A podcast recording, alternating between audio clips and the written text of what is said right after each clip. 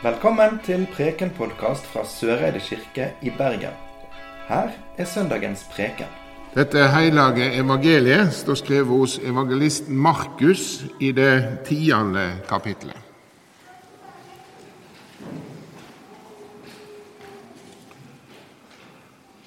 Da kom det noen fariseere og spurte Jesus har en mann lov til å skilje seg fra kona si. De ville sette han på prøve. Hva båd fikk de av Moses, sa Jesus. De svarer, Moses har gitt mannen lov til å skrive skilsmissebrev og sende henne fra seg. Da sa han til dem, fordi hjarta dykkar er så harde, har Moses gjeve dykk dette boet. Men i opphavet, da alt vart til, skapte Gud dei som mann og kvinne. Derfor skal mannen forlate far sin og mor si og holde fast ved kvinna si, og de to skal være én kropp. Så er de ikke lenger to, de er én kropp. Og det som Gud har bundet sammen, det skal mennesket ikke skilje. Slik lyder Herrens ord.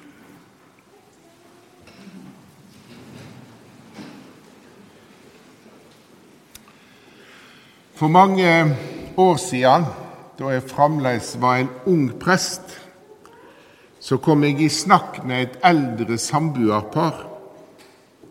Det var ei enke og en enkemann som hadde funnet hverandre etter et langt og innholdsrikt liv. Men av økonomi, pensjon og arv så fant de ut at de ikke kunne gifte seg. Og Vi kom da inn på denne, dette samlivet deres i denne samtalen. Og De fortalte at de hadde kjent det som veldig vanskelig å gå i kirka fordi de var samboere og ikke gift. Og Da svarte jeg at jeg tror Gud er mye større enn vi kan fatte, og han vil nok forstå kjærleiken det har til hverandre, og måten det lever livet på. Og da rant tårene fra de to eldre menneskene jeg snakka med. Denne vesle historien er et lite eksempel på hvordan denne teksten som vi har som preiketekst i dag, har gjort livet vanskelig for mennesket. Og skal jeg være helt ærlig, så veit jeg knapt nok om et avsnitt i evangeliet som til de grader har påført mennesket liding og vonde kjensler. Og fremdeles så blir denne teksten brukt til å ta livsmot og livsglede fra mange mennesker. I debatten om likekjønna ekteskap har disse ordene for Jesus blitt løfta fram som selve kronvitnet på at mennesket ikke får lov til å være den de er. Enkelte mennesker får ikke lov å være seg sjøl. Andre kommer til dem og sier hvordan de skal leve livet, og hvordan enkelte mennesker skal si nei til å oppleve kjærlighet i sitt eget liv. Jeg er ganske sikker på at denne bruken av denne teksten fra evangeliet har ført til at mennesket har tatt sitt eget liv.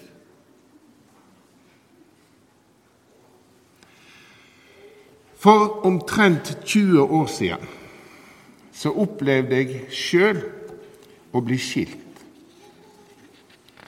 Og for meg var det et av de største nederlagene jeg har kjent på i mitt eget liv. Jeg hadde lova å leve sammen med et annet menneske til døden skiller oss. Og jeg trodde på det, og jeg ville at det skulle gå bra. Og så ble livet helt annerledes. Og i mange år kjempa jeg med disse orda fra Jesus, det Gud har bundet sammen det skal mennesket ikke skilje. Hvordan kunne jeg holde fram med å tro på Jesus? Og hvordan kunne jeg stå i ei tjeneste som prest når jeg ikke makta å leve opp til det jeg hadde lova, og det jeg ber andre om å love når jeg vier dem?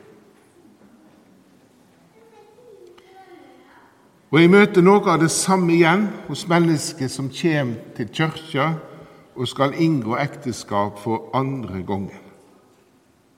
De har opplevd noe av det jeg har vært igjennom. Hvordan kan jeg be deg om å love en gang til, både ut fra det jeg sjøl har opplevd, og sånn som mitt liv blei som menneske og som prest? Utgangspunktet for denne teksten var en samtale mellom fariseerne og Jesus. Og fariseerne ville sette Jesus på prøve. Og Fariseerne var opptatt av det som var rett. De ville følge Moselova på en bokstavelig måte, og de var i stadige konfrontasjoner med Jesus. Og De var hele tida på leit etter emner som de kunne bruke for å sette fast Jesus i sine egne ord. Og Sånn sett var dette spørsmålet om skilsmisse et av mange temaer de brukte for å sette Jesus på prøve. Og I første omgang så viser Jesus tilbake til Moselova. Og Her var det detaljerte reguleringer for veldig mye rart. Eh, reguleringer som så til de grader var preget av et patriarkalsk samfunn. Og Det Jesus viser til i Moselova om skilsmisse og gjengifte, det er ett av mange opplistinger om hvordan en skulle leve, om hva en kunne pantsette, og hvordan en kunne ta rente, hvordan en skulle forvalte eiendom og samfunn. Og Jesus han avviser ikke Moselova, men han går bakom alt dette. Jesus bygger ei bru forbi Moselova tilbake til skapingsfortellinga. I opphavet, sier Jesus. Altså slik som vi leste det nå fra første Mosebok, kapittel 2. Jesus peker tilbake til før syndefallet, da mennesket levde i Edens hage. Og Det er med dette som referanse at Jesus forklarer fariseerne om hvordan de nære og viktige relasjonene i mennesket sitt liv skal være. Omslutta av kjærleik til hverandre skulle to mennesker gå opp i ei større eining. De to ble sammen til noe mer, noe større enn det de ville være med å leve hver for seg. Og dette er kjærleikens vesen. Og På mange måter så løfter Bibelen fram det livslange, monogame samlivet som det beste for oss mennesker. Og Jeg tenker det er viktig å holde fast på idealet. Tro på det, gi seg over til det, arbeide med det, slik at det kan bli til velsigning i eget liv og for det samfunnet en er en del av. Og så står jeg her som prest på Søreide, og det er synlig for all verden at jeg ikke har klart å leve opp til dette idealet. Og når en blir skilt, så er det så synlig for alle mennesker omkring en. Men mange av oss har også opplevd at vi ikke klarer å leve opp til Bibelens ideal, der det ikke er så synlig. Og hver og en av oss og dere kan tenke igjennom det sjøl. Hvordan er det med det livet mitt? Er det ikke noe ideal her som jeg ikke klarer å nå opp til? Vi møter mange ideal i Bibelen for hvordan vi skal leve både synlige og mindre synlige. Men jeg tenker det er viktig å holde på disse idealene og strekke oss mot dem, men samtidig møte livet slik Jesus møtte mennesket. Litt seinere i evangeliet så kan vi lese om Jesus som er på vandring i Samaria. Han kom til en brønn. Der sitter det en kvinne som han kom i samtale med. Denne kvinnen har vært gift fem ganger og har nå vikla seg inn i relasjonen til en mann som fremdeles er gift. Og hvordan møter Jesus denne kvinnen? I dette møtet så finner en ikke fordøming og straff. I dette møtet så kan vi se konturene av hvordan Jesus møter oss mennesker med det livet vi lever. Med det vi fikk til, og med det som ikke gikk så bra. Vi ser konturene av hva nåde er. Seinere i evangeliet møter vi Peter den viktigste og næreste læresveinen eller apostelen til Jesus. Og Peter fornekta Jesus tre ganger da Jesus ble arrestert. Seinere ble det et nytt møte mellom Jesus og Peter, og der Peter fikk oppleve hva nåde er.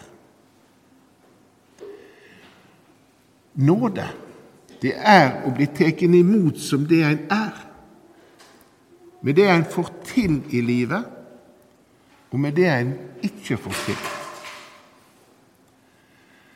Og Når Paulus skriver om ekteskap i den teksten vi las fra Efeserbrevet, så bruker han ekteskapet som et bilde på forholdet mellom Kristus og Kirka.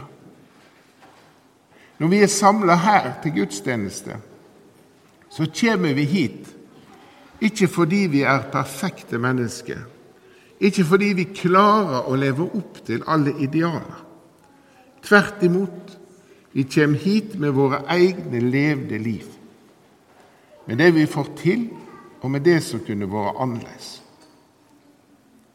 Noen av oss ber synlig tegn på at vi ikke fikk det til. Andre bærer det med seg på en gjemt måte. Men vi kommer alle hit med livet våre sånn som de er. Og her i kirka, her i gudstjenester, så er Kristus til stede.